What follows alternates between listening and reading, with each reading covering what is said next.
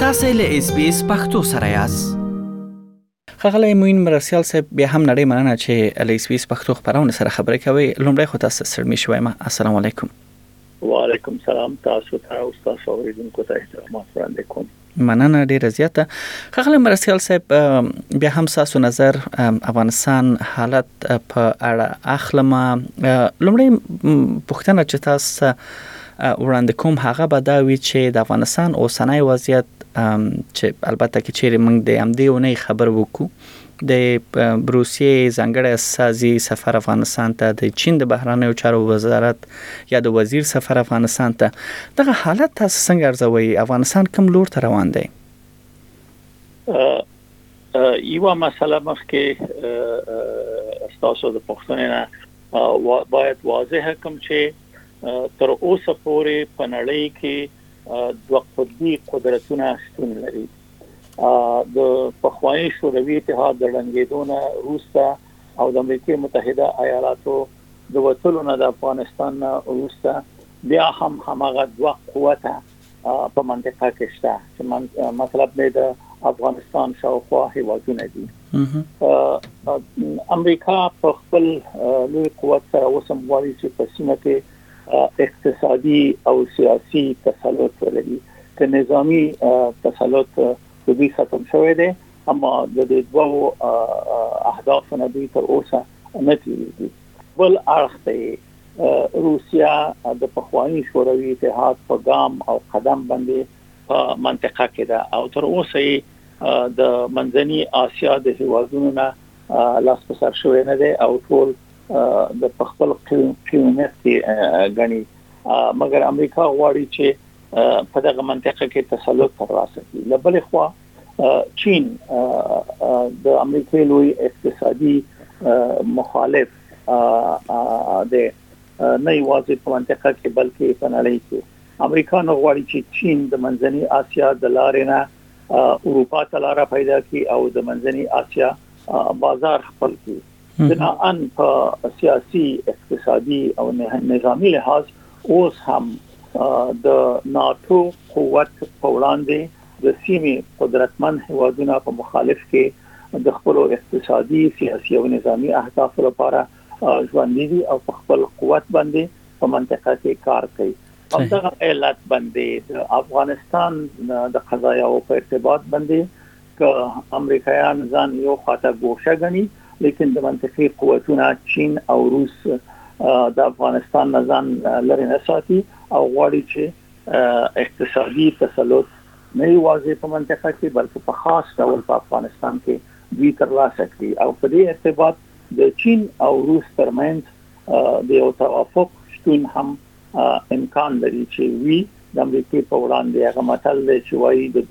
دښمن دښمن دوست دی نو دواړه هېوادونه د امریکې سره د مخالفت په اساس په خپل منځ کې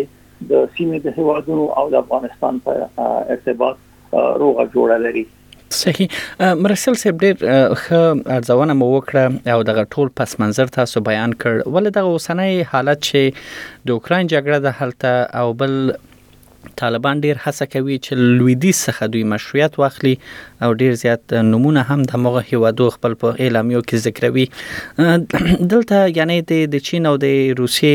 نږدېواله د طالبانو له طرف ته واخوا د د لویدیز هم البته تاسو ته اشاره وکړه دا غوي هم دغه لیوالتیا شته ده چې څه ناڅه خپل دغه تسلط وساتي نو طالبان کوم لور ته روان دي آیا دوی انتخاب لري او که چیرې انتخاب هر لور ته وي پایله به څنګه وي زه غواړم چې په طالبانو په ارتباط په دوه مرحلو کې تاسو ته لاندې راځي درکم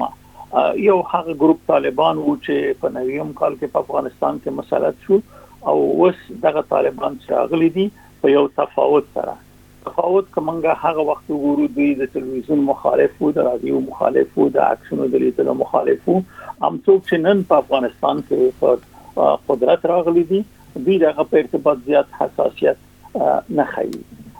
یعنی ډیر زیات بدل شوی دی یا دا چې اشخاص او افراد بدل دي یا د زمانه تغییر په دوی باندې اثر کړی دی طالبان غواړي چې د یوې خوا ځان ته مشروعیت ترلاسه کړي او ډیر زیات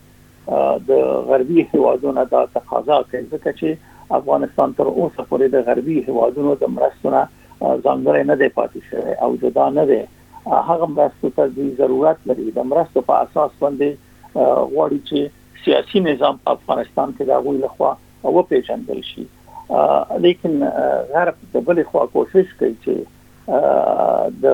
د د یو پراخ بنسټه حکومت په نوم باندې د هغه ترڅنګ د خزو د کار او د خوندې او د پوهنتونونو د شتون په وجه باندې بشري حقوق په عمومي صورت باندې مطرح کړي طالبانو سره که چیرې دغه مسائل طالبان ومني زه متيقن یم چې دوی به د نړیوال ټولنې ټولنې سره موازي حرکت رامنځته کړي او دوام او ثبات امکان شته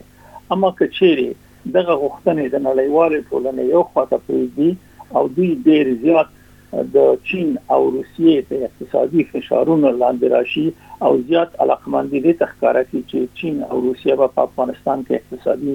مرستې وکړي راتلونکی به ډیر ښه نه وي همدغه لحاظ باندې روسیا او چین یو اړخ ته او امریکا او اروپאי هیوادونه بل اړخ ته د افغانستان په مسائلو کې په مستقیم او غیر مستقیم یا نیغ او نانیغه ډول باندې دوی دخیل دي طالبان طالبان نه غوړي چې نړیواله ټولنه د لاس ورکی وس هغه طالبان چې په نویم لسیزه کې هغه طالبان نه دي د نړیواله ټولنې سره غوړي موازی حرکت وکي او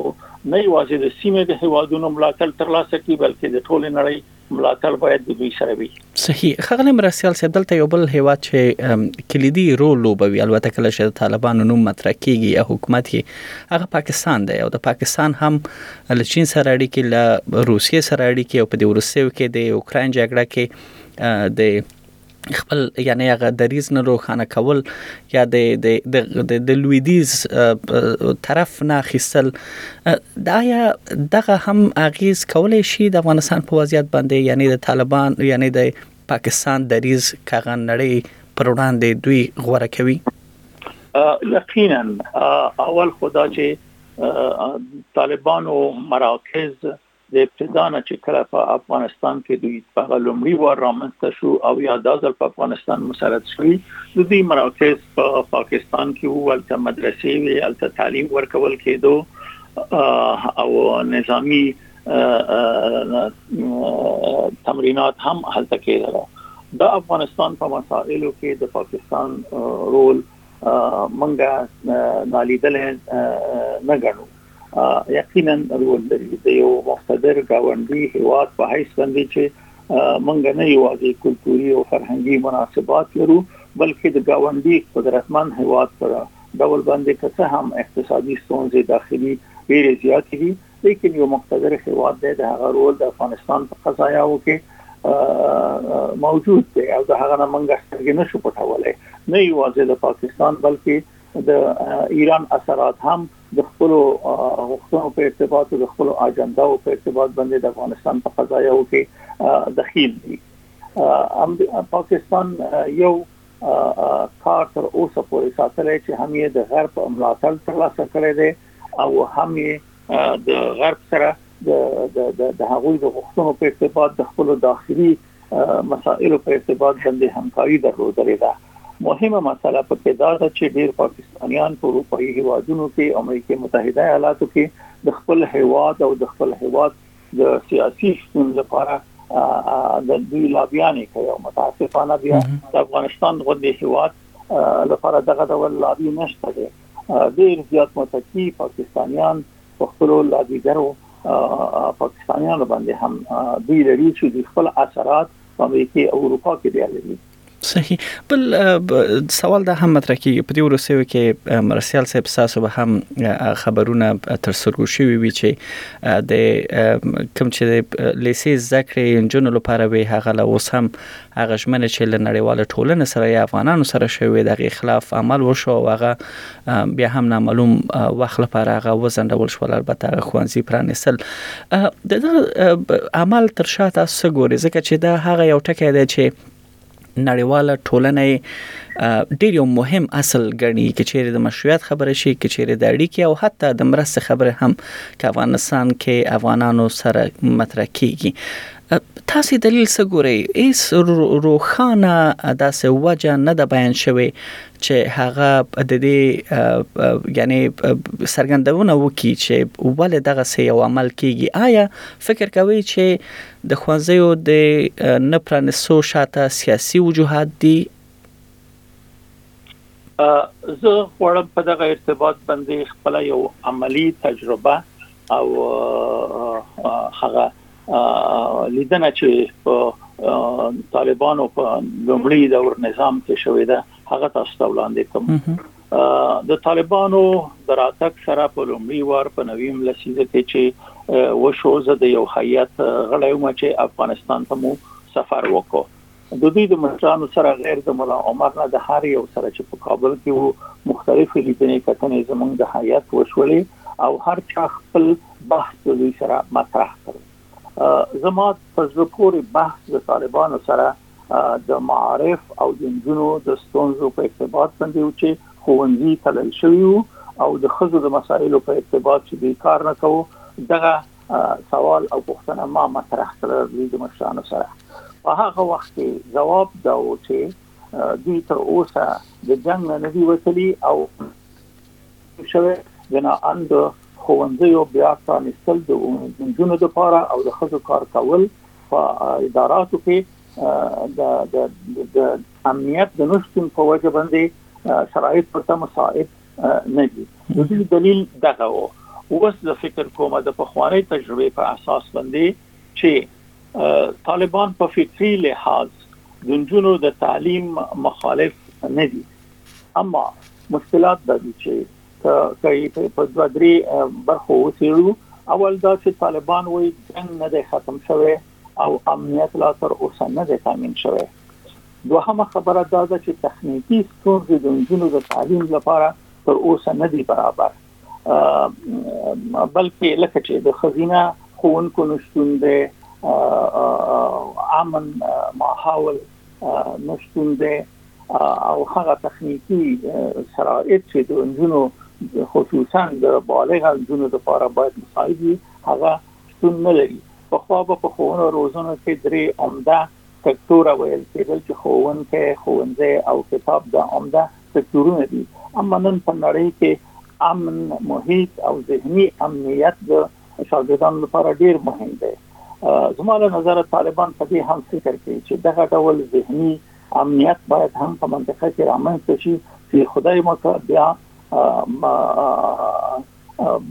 اخلاقی فساد ته او داسې مسائلو ته لاره پرانستل لاره خلاصه نشي چې عمده مسله چې دی په باندې فکر کوي او زمون ځوان نسل چې په جنگ کې دی دوی په خارونو بازارونو کې د امنیت لپاره وظایف کوي نو کچېری دغه اناس چې د خاطر ته دي او دغه چې خوندې ته دي او سنې زیات وي دی اوس دی وګوري دا سنه چې متاسفانه بیا فساد ته لار خلاص شي څلورم دا هم باید منګه ومنو چې د طالبانو ترمنځ د تعلیم په ارتباط د خزو د جنونو لپاره یو اختلافات د دوی ترمنځ موجود دي دغه اختلافاتو په وجه باندې دوی کوشش کوي چې ډیر داسې محافظه کارانه حرکت وکړي چې اختلاف زیات نشي نو په دغه وجه په توافقاتو کې د نړیوال ټولنې سره دوی وعده کړې ده اما زماله نظر تر اوسه پورې هغه ذهني امنیت چې شرایط یې مساعد دي د لوی انجونو لپاره هغه نه دی په افغانستان کې مساعد صحیح جنگ تر اوسه پورې شته تهدید تر اوسه پورې شته داخلي اختلافات او فکری اختلافات او موجودیت دا ټول د دې باعث شوی دی چې دوی ورته تخنیکی مسائل تر اوسه پورې هموار کړی نه دي صحیح مرستيال صاحب که همدې همدغه سوال په ادامه همدغه پوښتنه هم د تاسو نه وکړم او کلند جواب راکې نو کچېره موږ د ټولنې د اصلاح او دغه ټول موارد ته تاسو اشاره وکړو چې طالبان هم په ګوته کوي که د دې حل و موندل شي دغه حل موندل خو د د لسیزو کار دی د نسلونو کار دی یا یعنی وخت نیسی نو څه فکر کوي چې همداسې یعنی دا ټولنه به روانه وي ترڅو دوی دغه څه چې تاسو مرته اشاره وکړه دوی ته لاس کړی او مثلا نجونې سبق ته دوی پریږدي زه فکر کوم چې په قطعي صورت په ټول افغانستان کې که دوی دغه یو فکر ولري دا به عملی نه وي ځکه چې د افغانستان جغرافیا مختلف ولایات مختلف خارونه په مدني او او او او, او او ټولنیز ډول باندې متفاوت دي دوی کولای شي چې په هغه ځایونو په هغه خارونو په هغه ولایتونو کې چې شرایط لږ مسئول دي ذهني امنیت موجود دی امکانات د دې شته چې خزینه خوونکي دوی ورته ولري او مکاتب ورته ولري په هغه کې کېدې شي چې دوی دا مکاتب د د د د وم ټولګي نه تر دولسمه په ټولګي پورې خلاص کی او دا مرحله ورو ورو دوام ومني ټول افغانستان جغرافیا ټول خارونه او ټول مناطق په یو ډول نه دي ژوند د خلکو په کلتوري او فرهنګي لحاظ په ټول افغانستان کې متفاوته دي په هغه ځای کې چې شرایط ورته مساعد دي دوی کولای شي چې دغه ښوونځي پرانیسي په کوم ځای کې شرایط نه دي مساعد د هغه لپاره باید کار وشي چې دغه شرایط هم امنیتي او هم تعلیمي سکتورونو شرایط ورته برابر شي هغه به ورو ورو کار وکړي اما په ټول افغانستان کې د ښوونځي بندول دا به د یو نسل لپاره د افغانستان د ټولنې د د نیمایي خلکو لپاره خلکو سره به جفا وي صحیح نړۍ مننه خغلی مرسیال صاحب تل مو ښه تحلیلونه کړی دي او خوشاله اوسئ او بیا هم له وخت نه مننه چې خپل دغه نظر مو موږ سره شریک کړ مننه ریسه چلستانه که غواړئ دغه سنوري کیسې هم او رینو د خپل پودکاسټ ګوګل پودکاسټ یا هم د خپل خاكي پر پودکاسټ یو اورئ